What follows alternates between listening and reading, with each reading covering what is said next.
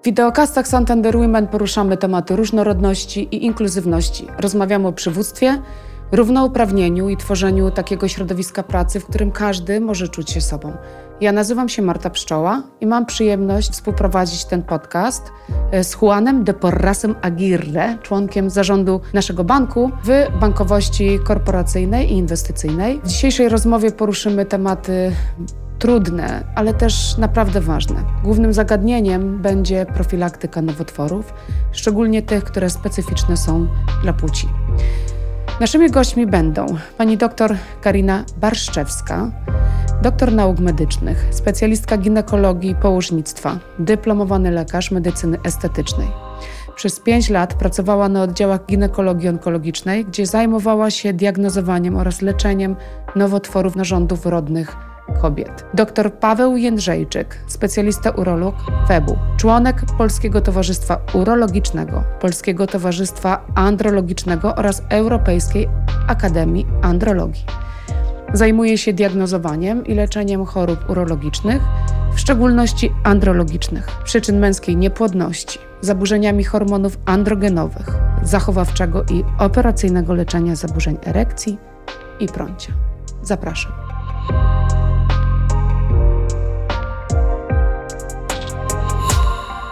No dobrze, słuchajcie, no dzisiaj bardzo, bardzo ważny temat, ale też poważny. No oprócz tego, że ważny, to poważny. E, no bo chcemy porozmawiać na tematy, które dla wielu z nas być może są trudne, jakoś nieoswojone, tak? No bo e, wszyscy wiemy, że to, jak dzisiaj wygląda zachorowalność na raka, e, zarówno raki kobiece, jak i męskie w naszym kraju, ale też w ogóle na świecie, to jest coraz większa plaga, ale o tym tak. nam zaraz opowiedzą eksperci ale też wiele osób jakoś, y, powiem od takiej psychologicznej strony, boi się o tym rozmawiać, bo myśli, Wypiera że jak o temat. tym nie mówi, to może wcale nie jest chory, albo ma jakieś objawy, albo na wszelki wypadek nie idzie e, tego sprawdzić, bo jeszcze nie daj Boże się dowie, e, że jest e, się chorym, tak? Za nami październik, miesiąc różowej wstążki, bardzo ważny miesiąc y, świadomości właśnie raka piersi u kobiet, no ale teraz mamy listopad, Movember. Tak. Bardzo się cieszę, że coraz częściej mężczyźni rozmawiają otwarcie na temat profilaktyki zdrowia, bo, bo mimo wszystko Kobiety chyba częściej się badają, tak czy nie? Właśnie pani doktor, jakby pani nam mogła trochę przybliżyć ten temat, jak to jest z tymi kobietami? Badają się? Czy częściej się badają, czy mężczyźni, tak? To jest e, bardzo czy dobre częściej pytanie. się badają niż mężczyźni? Mhm. I na co się powinnyśmy badać jako kobiety, tak? Na, na co pani by zwróciła szczególną uwagę w ramach tej profilaktyki? Yy, znaczy, czy częściej się badają niż mężczyźni? Wydaje mi się, że tak. Yy, co wynika przede wszystkim, że mężczyzna Ciężko mu się przyznać, że jest chory i ciężko mu pójść jednak do lekarza. Nie wiem, jak tutaj kolega się na to zaopatruje. Natomiast jeżeli chodzi o kobiety, e, to faktycznie częściej się badają, według mnie. Na co powinny zwracać e, uwagę idąc do lekarza? No przede wszystkim, jeżeli mówimy dzisiaj o tej profilaktyce onkologicznej, e, no to badać się, jeżeli chodzi o, o cytologię, tak, USG, Natomiast też jakby profilaktyka taka w domu, chociażby samo badanie piersi, a to tym mm. może mhm. też powiem, bo to jest bardzo ogólne to pytanie, które pani zadała, na co powinny zwrócić uwagę, to jest no, kwestii objału, kwestii pójścia do lekarza i tak dalej. Także mm. bardzo szerokie pytanie. Na co powinny zwrócić uwagę? Na pewno, jeżeli pojawią się objawy, to, że chciałabym tutaj uświadomić e, Państwa, że to znaczy, że już e, w jakiś sposób jest ta choroba za, zaawansowana na jakimś etapie, mhm. tak? Czyli jakby Czyli jak zamysł. wyczuwamy, na inaczej, przykład... zamysł w ogóle profilaktyki, screeningu w Polsce i na całym świecie jest taki, żeby zgłosiła się do lekarza osoba, która jest bezobjawowa. Na tym polega badanie przesiewowe i screening. Jeżeli są już objawy, to znaczy, że, że choroba już jest. Więc e, jakby zalecam tak, żeby korzystać, chodzić do lekarza regularnie, dzięki czemu jesteśmy w stanie wykryć chorobę na bardzo, bardzo wczesnym etapie i dzięki temu mamy większe możliwości lecznicze pod względem takiej wyleczalności tutaj naszych mm. pacjentów. I, i, I, to jest, to przede wszystkim trzeba e, kłaść nacisk, tak? Na edukację, na profilaktykę jeżeli chodzi o nowotwory. Zanim przejdziemy do mężczyzn, jeszcze tylko jedno pytanie. Y, regularnie to jak często? Co pani ma na myśli mówiąc regularnie? Na przykład mam na myśli USG piersi, czy cytologię, o której pani wspomniała, czy USG y, w zasadzie nie wiem, jak, jak to powiedzieć. To może to podzielmy. Jajników, bacicy, tak, okay. ja się nie znam, tak? To może to podzielmy, jakby... to może to podzielmy, tak? Jeżeli chodzi o piersi, E, większość wytycznych tutaj jest w ogóle mm, pod względem piersi, każde wytyczne na świecie, czy amerykańskie, czy europejskie, czy nasze, się różnią. E, to znaczy, że samo padanie piersi w większości przypadków w rekomendacjach mówi się, że od 18 roku życia. Ja trochę wyjdę bardziej do przodu, to znaczy uważam i też swoim pacjentkom zalecam, że po naszej pierwszej miesiączce, kiedy dziewczynka dojrzewa, nauczyć naszą córkę badać piersi. E, wychodzę z założenia, że regularność, powtarzalność pewnych rzeczy powoduje, że się z tym oswajamy, że nasz, mm. dla nas jest to norma. Tak jak myjemy, proszę Państwa, zęby, tak samo badać piersi po miesiączce, tak stanąć przed lustrem, e, zbadać sobie piersi, zbadać sobie dół fachowy. Bo taka granica 18 lat no nic nam nie mówi. Tak wtedy już raczej studiujemy, jakby no wychodzimy z tego domu. Czyli uczymy nasze córki samobadania piersi. E, jeżeli chodzi o USG, większość rekomendacji mówi 25 od, od 20-25 roku życia, natomiast jeżeli chodzi o badanie przesiewowe, to jest to mammografia. USG nie jest badaniem przesiewowym, tylko jest to mammografia. W Polsce takie bezpłatne badanie jest od 50 e, do 69 roku życia, natomiast na świecie powtarza się coraz częściej, że powinniśmy już nawet po 40 roku życia zacząć to mammografię, bo to mhm. też wynika z tego, się zawsze z pytania, dlaczego USG i mammografia? To wynika jakby z tkanki e, gruczołowej, tak? Jeżeli przewaga tkanka tłuszczowa, no to lepsza jest e, mammografia. Jeżeli tkanka gruczołowa, to lepsze jest USG czy, czy rezonans. Oczywiście ja nie mówię o kobietach, które są obciążone rodzinie, tak, czyli mają predyspozycję do raka piersi czy raka jajnika w domu tak, bo są obciążone na przykład mutacją BRCA1 i BRCA2. Jeżeli chodzi o szyjkę, to jest sprawa prostsza i trudniejsza, bo mamy przecież szczepienia. Czyli mamy narzędzie, coś, co jakby zmniejsza nam ryzyko raka szyjki, nie tylko pochwy, raka odbytu, e, nowotworów tutaj głowy i szyi, bo o tym też się nie mówi, przecież jest coraz więcej nowotworów. Ale też o czym warto wspomnieć, e, szczepienia e, u mężczyzn mają zastosowanie i one też w znacznej tak, mierze potrafią... szczepieniu HPV. HPV szczepieniu przeciwko HPV, tak. dlatego że ono też pozwala w znacznej mierze zredukować ryzyko w przyszłości nowotworów prącia. Tak dlatego że e, nowotwory prącia w 30% są związane z koinfekcją wirusem HPV. Tak. Czyli od którego roku życia, przepraszam, dziewczynki znaczy, i chłopców na świecie, na HPV na świecie, szczepić? na świecie szczepimy e, od 9 roku życia zarówno chłopcy, od 9 roku dokładnie. Tak. To, e, I to jest na całym świecie, gdzie jest to refundowane w innych państwach dla chłopców i dziewczynek, bo musimy sobie zdawać sprawę, że im później, tym mamy najlepiej jakby wychwycić te, e, te osoby, które nie współżyją, tak? tak. Oczywiście szczepionką... Nie miały prawdopodobieństwa zakażenia Dokładnie. się Ale w Polsce to jest refundowane od tak, 9 e, roku życia? Na, nie, w Polsce jest refundowane 11-12 lat przede wszystkim. W niektórych gminach taką szczepionkę można otrzymać. Czyli jak mój syn ma 13 lat, to to, to jest ja ten dobry moment. To jest dobry moment. To jest dobry moment. Tak.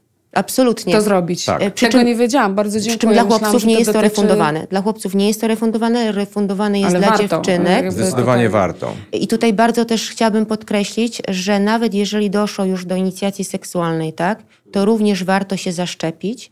Kolejne pytanie bardzo częste, czy warto się zaszczepić, jeżeli już mamy wirusa? Jeżeli tak. jestem nosicielem wirusa, absolutnie tak. Ponieważ mhm. pamiętajmy, że szczepionka ta teraz dziewięciowalentna chroni nas przed dziewięcioma, dziewięcioma typami, typami dokładnie, a jeżeli mamy jeden typ czy dwa, to chroni nas przed kolejnymi. I kolejna kwestia, którą warto podkreślić, mhm. jeśli chodzi o szczepionkę, to to, że zaszczepienie pomaga zwalczać wirusa, który już w nas jest. Dokładnie. Dlatego on uwrażliwia układ odpornościowy i nawet jeżeli ktoś już ma infekcję, jest już zakażony i ma stwierdzoną infekcję którymś typem wirusa, to po pierwsze to, co pani doktor wspomniała, zapobiega przed zakażeniem się typami, których jeszcze nie ma. Dwa, pomaga w zwalczaniu tego, który już jest w organizmie. No właśnie. I nawet jeżeli jesteśmy po leczeniu, na przykład za pomocą lip-lub, tak, czy, czy konizacji, w sensie usuwamy Dobrze, część szyjki. Przepraszam, po polsku. Właśnie, przepraszam, usuwamy część e, szyjki macicy, ponieważ już doszło tak, do tego, żeby e, infekcja incydentalna stała się przetrwała, bo musimy zdawać sobie sprawę, że ponad 85% kobiet wyeliminuje wirusa. Nie wiem, jak jest u mężczyzn. To Podobnie. jest infekcja bardzo częsta. To jest choroba przenoszona drogą płciową. Też nacisk w szkołach, edukacja. żeby się zabezpieczać, bo jest to no, choroba, którą przenosimy drogą płciową. Największym czynnikiem ryzyka jest mnogość pacjentów w ciągu swojego, znaczy, przepraszam, mnogość Par- par- partnerów tak. seksualnych w trakcie swojego życia.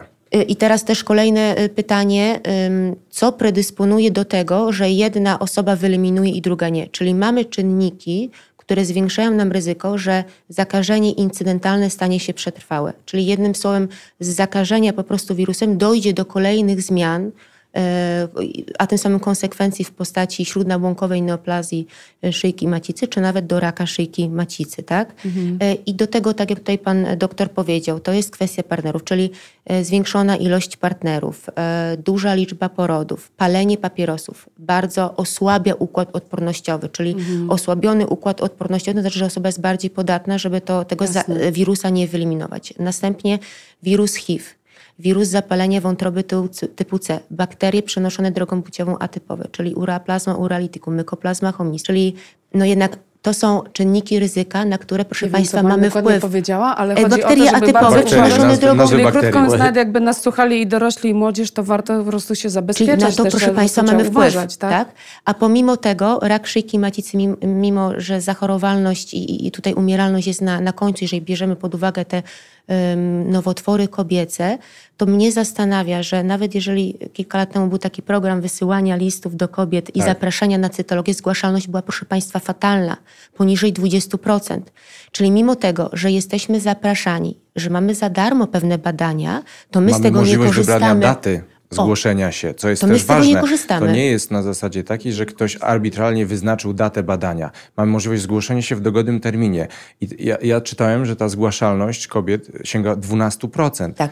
tak? Bardzo Więc mało, jaka to jest prawda? No świadomość? 12%. W Szwecji rozwiązano to w ten sposób, że informację o zaproszeniu na badanie dostaje również pracodawca tej kobiety czy mężczyzny. O. I wówczas e, taka pacjentka nie ma informacji, co było za badanie, natomiast jeżeli pracownik nie przedstawi, że zgłosił się na to badanie, nie może podjąć pracy. I to jest proste rozwiązanie. I to jest proste bardzo rozwiązanie, tak? Jeżeli pracodawca dostaje informację, że osoba, która miała, dostaje równolegle, dostała zaproszenie na badanie. Jeśli się nie zgłosiłam, nie mogę dalej pracować. Co powoduje, co powoduje sytuację taką, że chirurdzy ze Szwecji przyjeżdżają do Polski oglądać zaawansowane nowotwory szyjki macicy, e, piersi, Tak. Ponieważ u nich tego nie ma. w kraju. Bo No u nich po właśnie, tu prostu tego nie ma. To tak jak prawda? my, jako lekarze powiedzmy z Europy szeroko pojętej, jeździmy oglądać pewne ekstrema do, do Indii, tak tutaj w tych wypadków, w sytuacjach, w których można profilaktyką zapobiegać, lekarze ze Skandynawii przyjeżdżają do Polski, żeby zobaczyć pewne stadium zaawansowania choroby, które u nich jest po prostu wyeliminowane w sposób e, dokumentny. A jeżeli już dotyczy, e, e, jeżeli już dotyczy, jeżeli nadal są odnotowane tego przypadki, tego typu przypadki, to dotyczą osób napływowych. Właśnie, Juan, chciałam ciebie zapytać, zanim... No, ja, ja chciałbym spytać, to, to właśnie. jest bardzo ciekawe, ja, bo, bo ja, panie doktorze, ja mam, ja mam 58 lat, ja mam taki wiek, który jest, e, możemy powiedzieć, skomplikowany, taki dla mężczyzn. A ja nie mam, e, tata, mam, mama nie miałem e, rak, raka, nie miałem inne, ale, ale tata miała duża prostata, tak? Tak. tak. Jakie są na, największe zagrożenia? Taki, jak, jak mężczyzna, moje wiek, możemy oczekiwać i możemy, i możemy być. I, i, i, i jak jest, jaka jest profilaktyka, którą możemy. Ja chciałbym trochę szerzej odpowiedzieć na to pytanie, troszeczkę nawiązać do pierwszego pytania odnośnie zgłaszalności się. Właśnie Dlaczego? mężczyzn. Dlatego, że e, w urologii my zauważamy dużą zmianę świadomości pacjentów wraz ze zmianą pokolenia. To znaczy, s- mężczyźni starsi, e, wdrukowane, mi się nigdy nic nie dzieje. Ja do, jak powiem, póki stoję, znaczy, że jest dobrze i się nie zgłaszam, tak? Młodzi mężczyźni, którzy e, otoczeni są już przekazem też, e, powiedzmy też e, social media, e, informacjami takimi, które czerpią powiedzmy od influencerów. Źródło, są w stanie znaleźć też materiały mówiące o tym chociażby. Akcja Movember cieszy, ma naprawdę duże, duże odzwierciedlenie Mówiłeś, w że tym, twój syn ma wąsy w tak, tak, ja, ja nie miałem czasu. w, w zgłaszalności się pacjentów i te akcje mają naprawdę duży sens, ponieważ ja, ja to zauważam w swojej praktyce, że przychodzą do mnie mężczyźni nie z problemem, tylko profilaktycznie, co jest bardzo dobrą zmianą pokoleniową, dlatego że to, co e, e, pan wspomniał, że mam 58 lat, co powinienem zrobić? E, niestety, ale mało mężczyzn zadaje to pytanie. To znaczy, jak jest dobrze, to znaczy, że nic. A w rzeczywistości, a w rzeczywistości statystyki pokazują, że e, nawet u mężczyzn poniżej 35 roku życia już można znaleźć e, pierwsze ogniska nowotworu prostaty. One nie są, one nie są szkodliwe, one nie, one, nie spowodują, e, one nie spowodują szybkiego rozwoju choroby, ale już takie sytuacje się zdarzają. Więc zasadniczo w Polsce implementujemy wytyczne Europejskiego Towarzystwa Urologicznego, które jest bardzo prężnym towarzystwem i jest powiedzmy takim trendsetterem światowym, jeśli chodzi o e, standard postępowania urologicznego.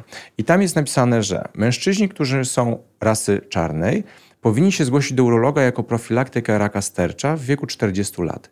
Mężczyźni, którzy mają ster, jakieś stercza to czego? prostaty, Prostaty. przepraszam, Prostaty, prostaty. prostaty, prostaty. Okej, E, o, więc Juan wiedziałeś, mężczyźni- patrzę, ja nie wiedziałam, że tak to się Mężczyźni. Ja którzy tak. mają obciążenia rodzinne, dziadek, ojciec, ojciec. bracia, e, mają raka stercza, bądź w rodzinie są e, odnotowywane e, raki piersi, Tak. które też mogą świadczyć o mutacji w genie BRCA1, BRCA2. Ci mężczyźni To nas łączy z też, doktorem. tak, te, też okej. mają zwiększone ryzyko rozwoju raka stercza we A wczesnym jak etapie. ktoś ma raka prostaty, to kobieta ma większą możliwość na raka piersi? To w tą drugą stronę też działa, czy tylko w tą? Jeżeli- rodzinnych też jeżeli, to, to znaczy tak, jeżeli dotyczy to mutacji w genie, to tak. Zasadniczo rak stercza e, e, rodzinnie, no tutaj trudno się dopatrywać, dlatego że to jest, dlatego że to są jakby no struktury, których nie ma u kobiet, tak? Aha, Natomiast jeśli okej, jest no tak. mutacja w genie, to oczywiście taka kobieta ma zwiększone ryzyko i powinna się monitorować. Słynna sprawa Angelina Jolie, tak? E, natomiast, natomiast wracając jeszcze do pytania, w wieku 45 lat, jeśli mamy jakieś obciążenia rodzinne, a standardowo 50 rok życia to jest ten czas, w którym powinniśmy przyjść do urologa, porozmawiać o tym, jak oddaje nam się mocz, znaczy i e, dać się zbadać urologicznie. To jest to stereotypowe badanie per rectum, którego mężczyźni Nie, jest, owiane, jest, owiane wielkim, e, jaką, jakąś mitologią związaną z tym, a tak naprawdę to No, badanie to jest- przeprowadzone w, w warunkach, które dają jakiekolwiek poczucie intymności, Jasne. tak naprawdę I jak często ten, ten, ten, badania, jak często? Ogólnie, ogólnie mówi się, że jeżeli 55 mężczyzna lat. Bada sobie stężenie, bo jeszcze ważne jest to, rewolucją w urologii od lat 90. było e, odkrycie, e, że nowotwory stercza są związane z obecnością białka e, PSA, PSA we krwi. Tak? I e, w momencie, kiedy my badamy sobie to PSA, to nie musi być bardzo regularnie. Dobra. W wytycznych urologicznych jest powiedziane, że jeżeli mężczyzna przed 40 rokiem życia ma PSA poniżej jednego, kolejne badanie może sobie być nawet za 8 lat. Jeżeli mężczyzna przed 60 rokiem życia PSA ma niskie, to też ta profilaktyka może być odwleczona w czasie. To warto e, tak naprawdę znać swój organizm, widzieć niepokojące objawy związane na przykład z oddawaniem moczu. Ale proszę pamiętać o tym, że rak stercza, czy rak prostaty, do momentu, kiedy nie jest zaawansowany, nie daje żadnych, Żadnych objawów. objawów. Tak? Więc e, najważniejsze, najważniejsze też No, jest no ja, to, ja tego będę, że, żeby mieć że- świadomość, że trzeba dać się zbadać. A później schemat kolejnych badań będzie zależny od tego, jakie, jakie wnioski płyną z badania Mhm. oraz jakie są stężenia badań, w badań PSA i PSA wolnego i wzajemnego stosunku między tymi A hormonami. panie doktorze, jakie inne raki męskie? Bo ten y, rak prostaty to jakoś... Mam wrażenie, że nawet tak właśnie ja jestem zupełnym lajkiem, tak? I Tak. wiesz, jestem kobietą, ale jakoś to jest takie oswojone. Już nieraz o tym słyszałam, wiem, że to jest ważne, ale nie, co, bezzasadnie, nie co bezzasadnie, jeszcze właśnie tak, nie bezzasadnie ten rak prostaty jest takim numerem jeden w urologii, dlatego że w ogóle w krajach cywilizowanych, powiedzmy, jest to nowotwór numer jeden. W Polsce do niedawna, e, to znaczy w Polsce niedawno w sumie się to zmieniło, e, że rak prostaty jest numerem jeden, jeśli chodzi o rozpoznawane nowotwory e, u mężczyzn. E, Inne nowotwory, które należy brać pod uwagę, które są związane stricte z mężczyznami, no to oczywiście rak jądra, tak? I rak prącia. Natomiast to ra- raki e, prącia e, są bardzo rzadkie relatywnie. E, Niemniej jednak zdarzają się i często mają agresywny przebieg. I w większości wypadków, to też wspomnieliśmy, dlaczego kobiety częściej chodzą do, do ginekologa.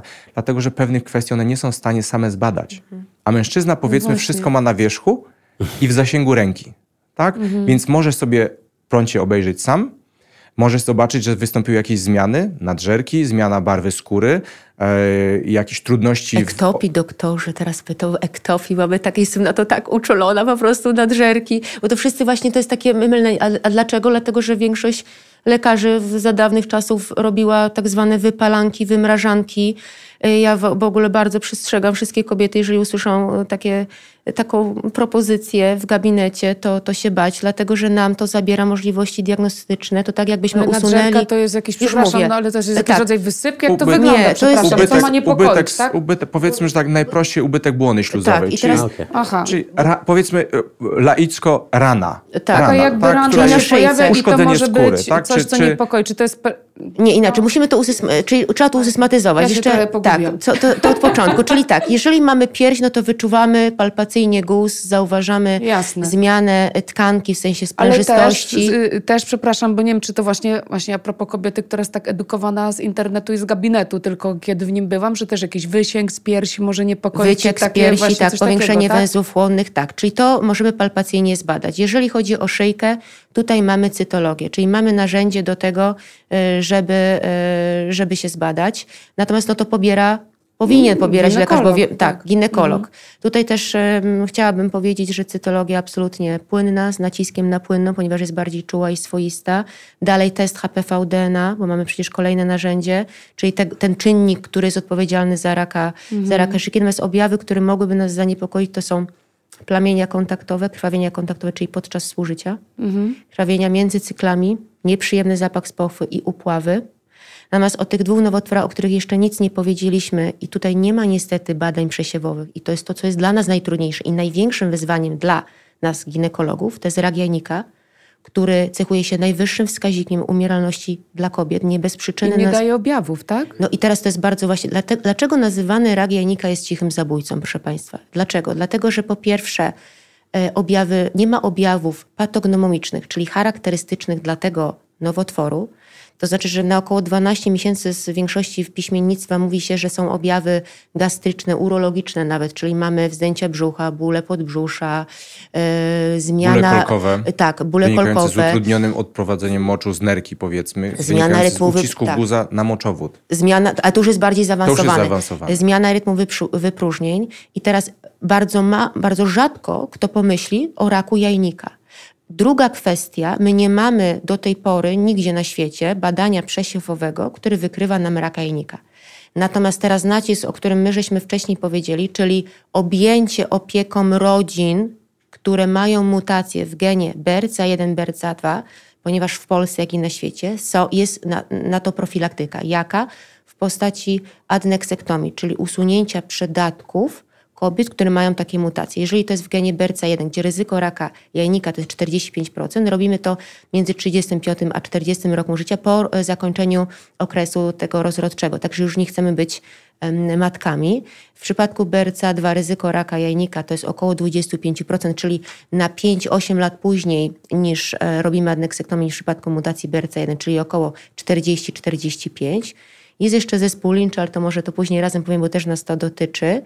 E, Czyli nie mamy e, badania screeningowego, nie mamy objawów. I co to powoduje? Że 70% raków, proszę Państwa, wykrywane jest w trzecim, w trzecim, czwartym stadium zaawansowania klinicznego według FIGO. I przeżywalność wtedy jaka? Bardzo mała. Rak, No rak jajnika jest wtedy naprawdę no, jest- cichy zabójca, dlatego tak jest nazywany. Ja Jezu, pisałam doktor...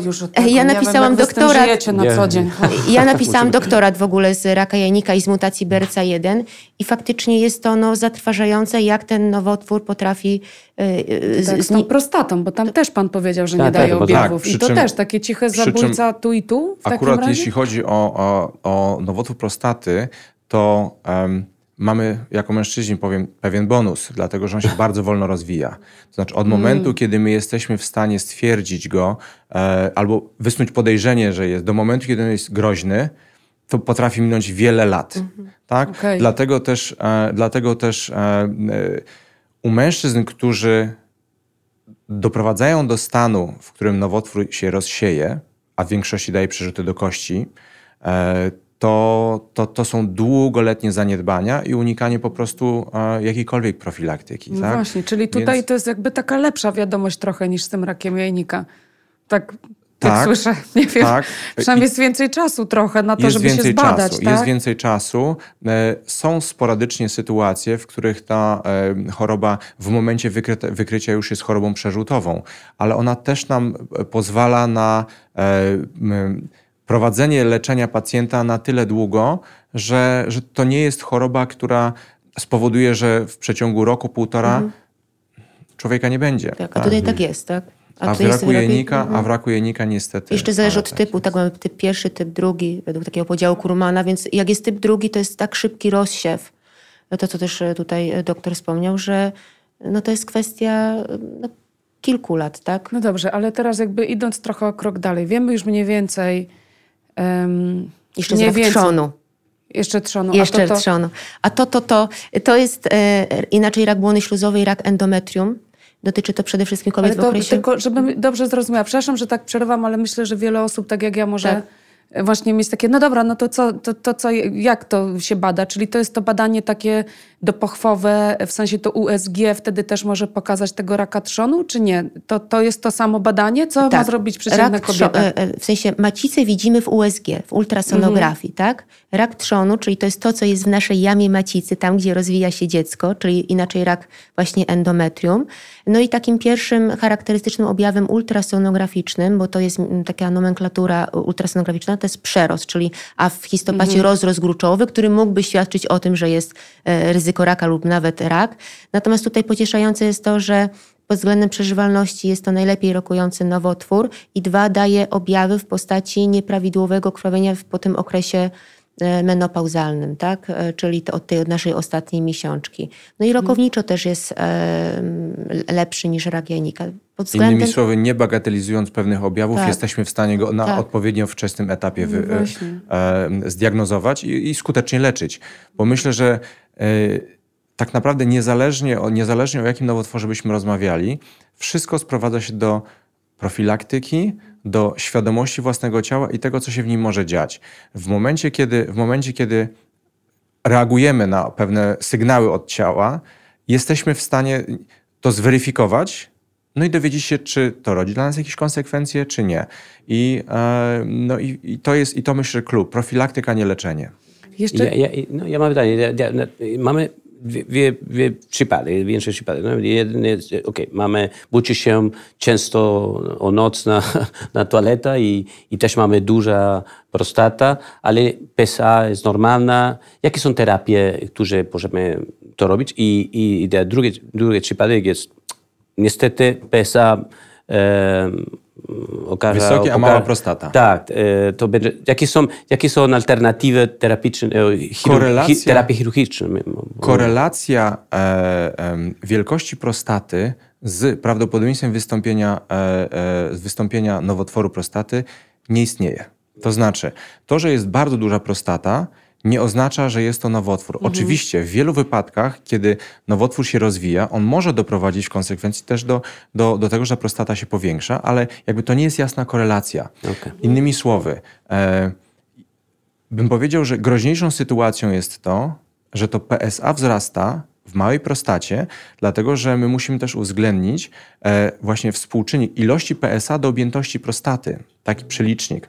Więc w momencie, kiedy jest mała prostata, a jest duże PSA, wówczas konieczne jest badanie urologiczne i w tym wypadku zweryfikowanie tego e, narzędziem diagnostycznym, jakim jest rezonans magnetyczny. W tym wypadku bardzo specyficzny rezonans magnetyczny, dlatego że tak zwany multiparametryczny rezonans magnetyczny, on uwzględnia e, kilka jeszcze powiedzmy faz badania, które pokazują nam sposób, jak ta powiedzmy zmiana może być ukrwiona, w jaki sposób, w jaki sposób e, przepływa przez nią płyny, jak ona jest ciasna, co, w sensie zbite komórki, e, które pozwalają nam wyznaczyć miejsca do potencjalnej biopsji.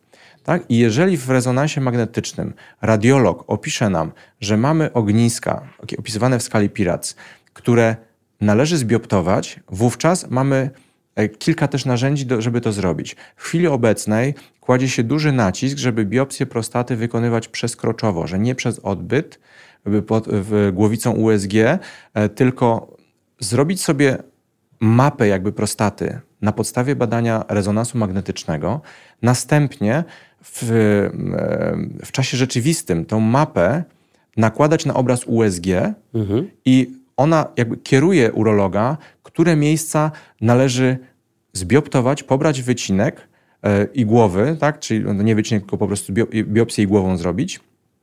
E, I wówczas takie, takie wycinki są odpowiednio opisywane, są odpowiednio e, m, poukładane prawy, lewy płat, miejsce pobrania, idzie to do ewaluacji histopatologicznej i my dostajemy informację, jest tam nowotwór, czy go nie ma. I w zależności od tego, jaki jest to stopień histologiczny tego nowotworu, to my oceniamy prawdopodobieństwo tego, jak ten nowotwór będzie się rozwijał, i wówczas możemy zaoferować pacjentowi odpowiednią terapię. Więc e, w chwili obecnej e, jest bardzo szeroko dyskutowany temat tak zwanego overtreatment, tak? czyli nadmiernego, nadmiernej Ja. terapii u pacjentów, jest- których e, tak. powiedzmy nowotwór jest... laser i taki... to jest oddzielny temat. To oddzielny temat, wrócę, tak. wrócę do, do nienowotworowych e, A. kwestii związanych z prostatą, to Chyba ja wrócę. będziemy musieli nagrać ze cztery odcinki jeszcze. To ja, to, ja tak, to ja tak krótko tylko wspomnę, postaram się w miarę krótko. Jeżeli e, mm, decydujemy, że operacja jest konieczna, bądź aktywne leczenie jest konieczne, Dobrze. mamy opcje następujące. Mamy możliwość wykonania radioterapii, operacji chirurgicznej. Najlepszym narzędziem dostępnym na świecie jest operacja za pomocą robota Da Vinci, operacje laparoskopowe. E, mm, następnie mamy też możliwość wykonania tak brachyterapii, czyli też powiedzmy e, wykorzystania, wykorzystania e, promieniowania, tylko, że, e, tylko że wtedy źródło promieniowania e, podaje się do prostaty albo podaje, albo podaje się, wkuwa się igiełki i wtedy podaje się źródło promieniowania. Tak? E, więc mamy kilka opcji terapeutycznych. Natomiast Jest tak chwili- samo skutecznych? Czy to zależy właśnie od tego rodzaju raka, który pan doktor powiedział wcześniej? Znaczy już nie komplikując tego, bo mamy... Ja bym powiedział tak, to jest bardzo kontrowersyjny temat. Jest, jest również skuteczny, czyli radioterapia, radioterapia versus e, chirurgia. Urolodzy z radioterapeutami mają powiedzmy tutaj pewne em, dyskusje na, Mhm. na tej kanwie i e, nie, wdaje, nie wdawajmy się w szczegóły. Uznajemy, Dobrze. że radioterapia jest równie Ale skuteczna jak operacja najważniejsza chirurgiczna. wiadomość jest taka, że to można leczyć. To jest w ogóle i że jest ileś sposobów na to, żeby Tak, go leczyć. a jeszcze bardzo ważną informacją jest to, że w obecnie w wielu krajach, szczególnie Europy Zachodniej i Skandynawii, gdzie badania są od wielu, wielu lat prowadzone, wielu pacjentów jest w tak zwanym e, protokole Active Surveillance, czyli aktywnego nadzoru. Oni wiemy, że mają nowotwór, wiemy, jaki jest to nowotwór i śledzimy ten nowotwór i uznajemy, w którym momencie on może być groźny i dopiero wtedy oferujemy pacjentowi aktywne leczenie, operację, radioterapię, brachyterapię. Dlaczego? Dlatego, że wszystkie techniki leczenia już zabiegowego czy, czy radioterapeutycznego nie są obojętne dla zdrowia pacjenta. Tak? Często dochodzi do uszkodzenia pęczków naczyniowo-nerwowych, które powodują, że mężczyzna nie ma erekcji później. E, Zdarzają się przejściowe nietrzymania moczu, co też jest I to problematyczne. bardzo mocno też wyobrażam, wpływa wyobrażam sobie, wpływa potem też na psychikę pacjenta, Tak, więc prawda? żeby to unikać tego Jak jest, jak jest życie po... Do, po, po, jakie masz informacja- życie po właśnie, Po, nie? tak. Dlatego też, jeżeli przychodzi mężczyzna 50-kilkuletni, u którego ma, który ma rozpoznany nowotwór, na wczesnym stadium zaawansowania, to mówimy, proszę pana, mamy taką możliwość, żebyśmy monitorowali. Będziemy powtarzać e, kolejne badania rezonansu, będziemy monitorować PSA, będziemy robić biopsję, jeżeli będzie taka potrzeba. I jeżeli zaistnieje potrzeba interwencji, to to zrobimy. Ale na razie niech pan żyje. Okej. W Polsce jest to duża No właśnie, czyli przeszkoda. to też jest taka dobra wiadomość Tak, dla mężczyzn, którzy tak. mogą się obawiać wielu konsekwencji, o No. których pan W Polsce, powiedział. w, Tak? Polsce, w Polsce obecnie Polskie Towarzystwo Urologiczne przeprowadziło ankietę dotyczącą właśnie wśród urologów, jakie jest, e, jakie jest zapatrywanie się urologów na ten aktywny nadzór i czy stosują to w swojej praktyce. Czekamy nadal na opracowanie tego, wyniki? ale powiem Państwu, że na przykład w krajach skandynawskich i w Stanach Zjednoczonych obecnie w okolicach 70% mężczyzn nie jest aktywnie leczonych, tylko jest obserwowanych. Bo e, w wielu wypadkach rozpoznanie raka stercza w późniejszym wieku może nie rodzić żadnych konsekwencji. Pacjent może umrzeć z innych Nie, przyczyn, a czekamy. nie z powodu raka stercza. I to jest jakby e, już wiedza wynikająca z wieloletnich doświadczeń, obserwacji. E, W Polsce 20, e, w, w Polsce tak naprawdę e, 15 tysięcy, między 15 a 16 tysięcy rozpoznań jest Wow. raka prostaty rocznie, ale tylko 5 tysięcy zgonów z tego tytułu. Tak? To pokazuje, jak my skutecznie sobie jesteśmy w stanie radzić z tym nowotworem. Ale Pytanie jest, mamy większy, większy przypadek e, raka, bo mamy lepsza profilaktyka i lepsza, bo Tak. a, albo... Jest po e, prostu większa wykrywalność. e, Tak. Jest po prostu większa wykrywalność. A Teraz idąc dalej. No już mamy tą, powiedzmy, złą wiadomość, tak? Znaczy, właśnie sama mam tyle wątków w głowie, że chciałabym nawet zapytać, to to jest zła wiadomość, dobra wiadomość, no bo dla nie, niektórzy ludzie... Mm, Z pewnością trudna. Bardzo trudna, prawda? To no jest- właśnie, to, to jest, jest- chyba adekwatne słowo. I, i, i co, co dalej, nie? Bo tak sobie myślę, jakbyśmy mieli dać pierwszą wskazówkę, zarówno pani doktor, pan doktor, czyli mamy kobietę, która ma te trudności, o których pani powiedziała, czyli cała ten, ten wachlarz, co, co zrobić? No bo to jest Słuchajcie, taki szok najpierw, Znaczy prawda? taka diagnoza zmienia drastycznie życie. Jest po pierwsze No trudna, właśnie. wydaje mi się, dla lekarza, żeby przekazać y, tą złą wiadomość, jak i dla samego pacjenta. I każda emocja, która wtedy towarzyszy takiemu człowiekowi, nie ma takiego standardu, tak? No przede wszystkim jest to lęk, niedowierzanie, Mhm. wyparcie, złość. Dlaczego mnie to spotkało? E, Złość e, na siebie, e, czy nawet na Boga, jeżeli ktoś wierzy, tak, prawda? Dlaczego ja? Uważam, że medycyna w chwili obecnej jest świetnie rozwinięta i korzystanie z wielu, na wielu płaszczyznach z tej medycyny jest wskazane. Chodzi mi tutaj o terapię psychoonkologów. Właśnie chciałam o to zapytać. To Objęcie, jest- obi- o Tak. wsparcie psychoonkologów jest szalenie ważne. I to nie tylko, proszę Państwa, wsparcie pacjenta, pacjentki, ale również ich rodzin. Ich rodzin ponieważ właśnie. jest to tak trudna e, informacja, że my nie jesteśmy w stanie sobie wyobrazić na ten moment, co byśmy czuli, czy co czuliby ludzie, którzy nas bardzo kochają, co czułyby nasze dzieci, na, na, nasz, nasz mąż, nasz partner, partnerka, tak? Także wsparcie psychoonkologów jest bardzo ważne. I kolejne, to co tutaj żeśmy wspomnieli, jest życie po raku. Jeżeli e, wyleczyliśmy tak, e, ten nowotwór, mamy ten okres follow-upu, obserwacji, to takie osoby, czy mężczyźni, czy kobiety chcą nadal normalnie funkcjonować również pod względem seksualnym. Jasne, tak. Bardzo bym to chciała podkreślić, bo ja się tym też teraz zajmuję.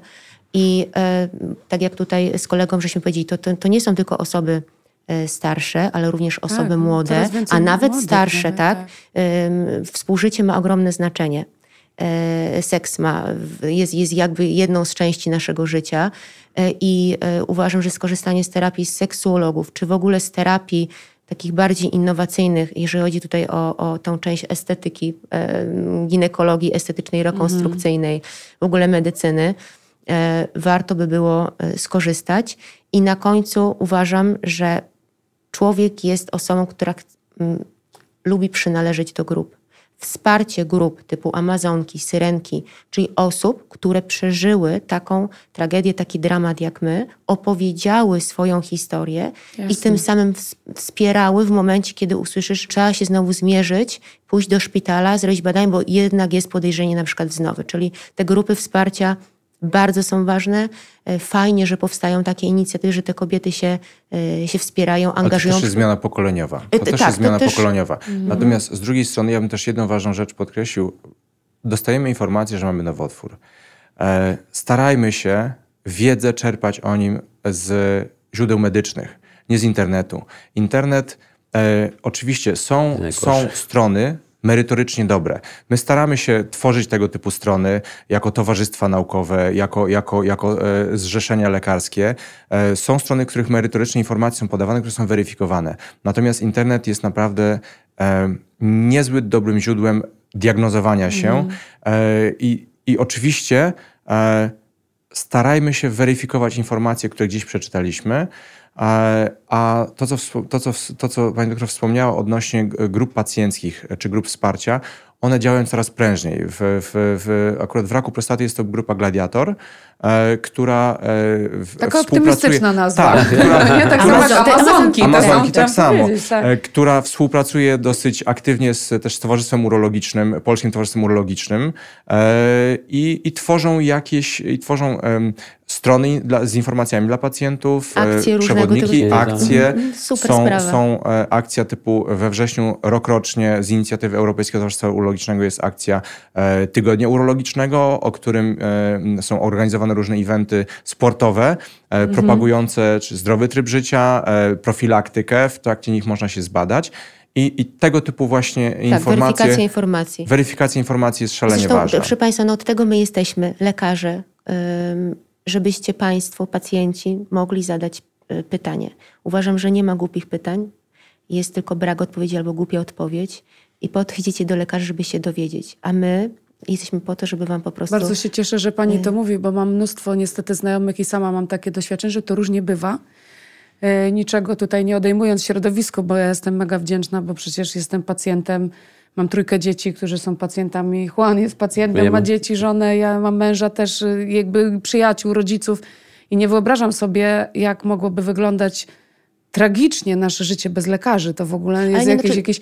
Ale też ważne jest to, co pani mówi, że, Relacja- że ja jestem psychologiem i terapeutą i wiem też z tej drugiej strony, Jak to prawda, wygląda. jak czasami trudne doświadczenie pacjent w tej trudnej sytuacji ma, wtedy, kiedy naprawdę potrzebuje tego wsparcia. Więc bardzo się cieszę też, że pani mówi o tym, że, Znaczy, że re- jest pani, relacja- takie jest pani podejście, powiedzmy, Znaczy, tak, że tak to relacja, powinno wyglądać. e, Uważam, że relacja lekarz-pacjent ma swoje implikacje później w procesie diagnostycznym, terapeutycznym, leczniczym. Zaufanie. Zaufanie. Zaufanie Jeżeli do ja lekarza, uważam, że sz- ja szacunek, wierzę, ja mi się, wierzę że- w to, że lekarz jest zainteresowany moją sprawą. Ja O. wierzę w to, że on e, jest w stanie mi pomóc. Dlatego, że jeżeli jest to zaufanie, to wówczas, e, to wówczas ja nie szukam alternatywnych źródeł wiedzy, Dokładnie. ponieważ powiedzmy autorytet lekarza, który mam do niego zaufanie, mi wystarcza. Tak? I Oczywiście. to jest ważne. To jest ważne. Bardzo ważne. Tak sobie myślę, że e, w zasadzie nie wiem, jakoś tak, e, no ja jakoś mocno refleksyjnie jestem w tym, szczególnie jak pani powiedziała, czy, czy to pan doktor powiedział chyba, że właśnie to nie jest, że jak to nazwać, że to jest przede wszystkim trudne, tak? Tak. Że to nie właśnie, może żeby nie myśleć, że to to jest zupełnie wyrok, nowa sytuacja. Na pewno nowa sytuacja i to jest zawsze kryzys, prawda? No, a w kryzysie to jest tak, że jakbyśmy wiedzieli, jak przeżyć każdy kryzys, to nie byłby kryzysem, tak? Czyli musimy znaleźć nowe strategie działania i w ogóle inny sposób życia, bo to jest rewolucja, tak? Znaczy teraz wszystko jest jakby, wyobrażam sobie... Do góry nogami, do góry tak? nogami i wokół Tak. tego, tak? Jakby cała rodzina, pacjent organizuje się wokół tej choroby i bardzo się cieszę, że też pani wspomniała o tym, żeby rodziny, czyli osoby, które towarzyszą, towarzyszą w zdrowieniu, nie zapominały o sobie. Bo to, to z kolei mogę powiedzieć ze swojego podwórka jest bardzo ważne. To też jest tego- bardzo duży bagaż emocjonalny dla rodziny. Dokładnie tak. Wypalają się, bo robią wszystko. No najczęściej, proszę Państwa, jest to milczenie, prawda? E, milczenie, nikt nie mówi o tym w domu. Em, czy to kobieta, czy mężczyzna chciałoby uchronić domowników przed, przed cierpieniem, które dotyka tej osoby.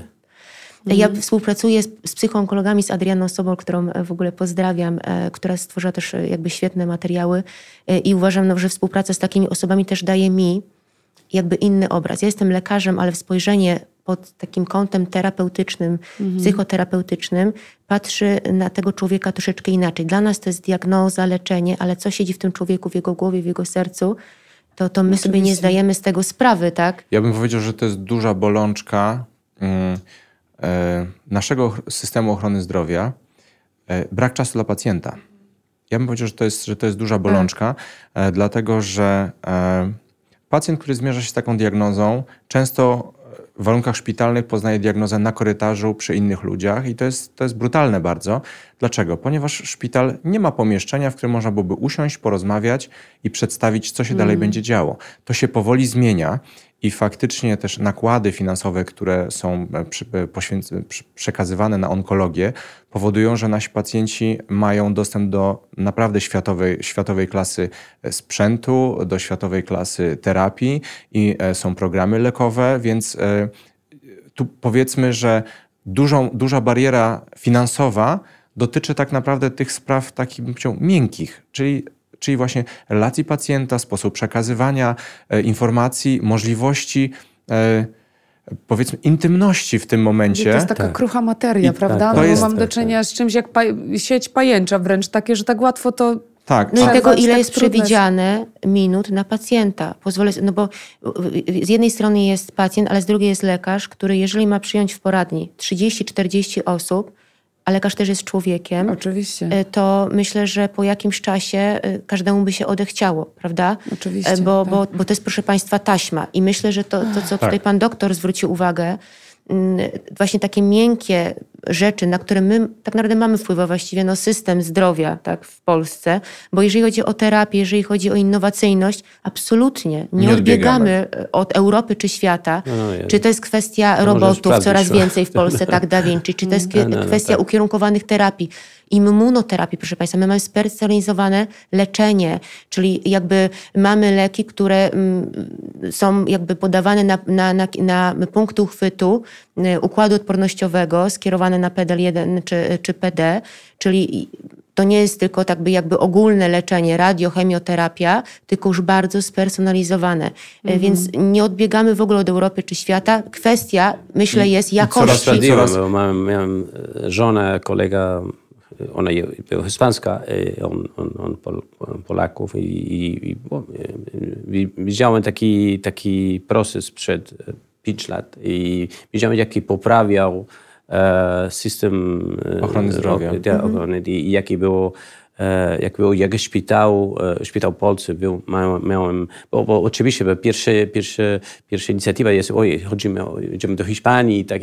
tak. Nie, mhm. ona, no, zostajemy w Polsce i taki, mamy taki cały proces i niestety nie było, ale to, to, ja, ja, to było dla mnie naprawdę e, rewelacja, że, że mm, Polsce jak poprawia też na system e, zdrowia. Tak? Teraz mhm. E, następują duże, duże zmiany, szczególnie jeśli chodzi o dziedzinach chirurgicznych w leczeniu mhm. onkologicznym, dlatego że tworzone są ośrodki wyspecjalizowane w leczeniu powiedzmy onkologicznym, tak? Mhm. co, pozwala, co pozwala na profesjonalizację tego leczenia, Jasne. procesu leczenia i to powiedzmy na kanwie czy, czy dziedzinie urologii wygląda to w ten sposób, że w chwili obecnej nasz płatnik e, wyznaczył kilka ośrodków, które będą się zajmowały e, powiedzmy leczeniem e, robotycznym, tak? Mhm. I to spowoduje, że lekarze w tym ośrodku będą mieli ileś procedur wykonanych, będą umieli to robić, będą powtarzalne procedury, będą mieli w związku z tym lepsze efekty czynnościowe, trzymania moczu, ewentualnie zachowywania pęczków naczyniowo-nerwowych pozwalających na zachowanie erekcji i tak dalej, i tak dalej, i tak dalej.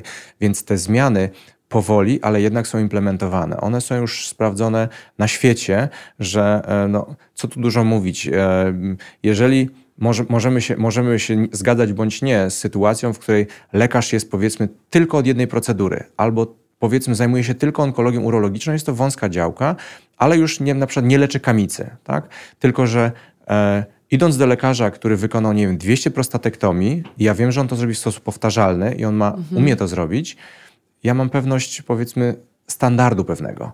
Tak. A jeżeli lekarz zajmuje się wszystkim, tak, no to w niczym nie będzie dobry. I ta mhm. profesjonalizacja w Stanach Zjednoczonych jest mm, skrajna, ale no nie mamy wątpliwości, że, że, w tym kierunku to idzie. Że w tym kierunku to idzie i, i to będzie dawało dobre efekty.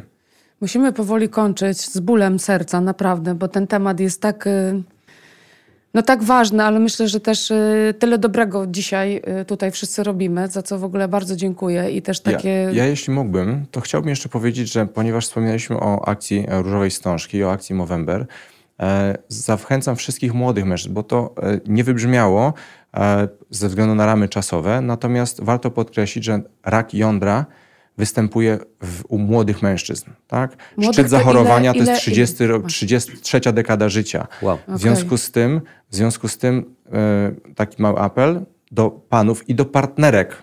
Do partnerek. Dbajcie o siebie, badajcie się i dajcie się zbadać. Dlatego, że e, e, świadomość swojego ciała, umiejętność zbadania się, jest mnóstwo filmów instruktażowych w internecie, w których można to zrobić, a jeśli nie chcemy oglądać z internetu, idźcie do urologa, poproście o instruktaż, zróbcie sobie badanie USG, a później możecie już z tą wiedzą bogaci sami o siebie zadbać. Bardzo dziękuję za to, bo właśnie zanim chciałam skończyć, chciałam powiedzieć, z czym pani doktor i pan doktor chcielibyście zostawić z jakąś taką właśnie apelem czy czymś optymistycznym naszych yy, słuchaczy, ale też naszych pracowników, no bo my też to tak. robimy dzisiaj reprezentując też no, całą grupę pracowników Santandera, bo dla nas ich zdrowie fizyczne i psychiczne jest bardzo ważne. 10 tysięcy. 10 tysięcy ludzi. Mamy wielką nadzieję, że ktoś skorzysta, tak? bo to też między innymi to robimy. To Pan doktor zostawiał z takim ja, czymś, czy jeszcze coś, zanim pani powie coś ja jeszcze? Ja bym powiedział, e, jeśli ma być dobry przekaz na koniec. Wyleczalność wzrasta, nie, nie bójmy się badać, dlatego że wczesna diagnoza równa się skuteczne leczenie. Pani doktor? A ja bym chciała bardzo serdecznie pogratulować Państwu, po pierwsze za ten pomysł. Jest mi naprawdę szalenie miło, żeby być częścią tego projektu, bo to znaczy, że dbacie o ludzi, o swoich pracowników, a to jest bardzo ważne.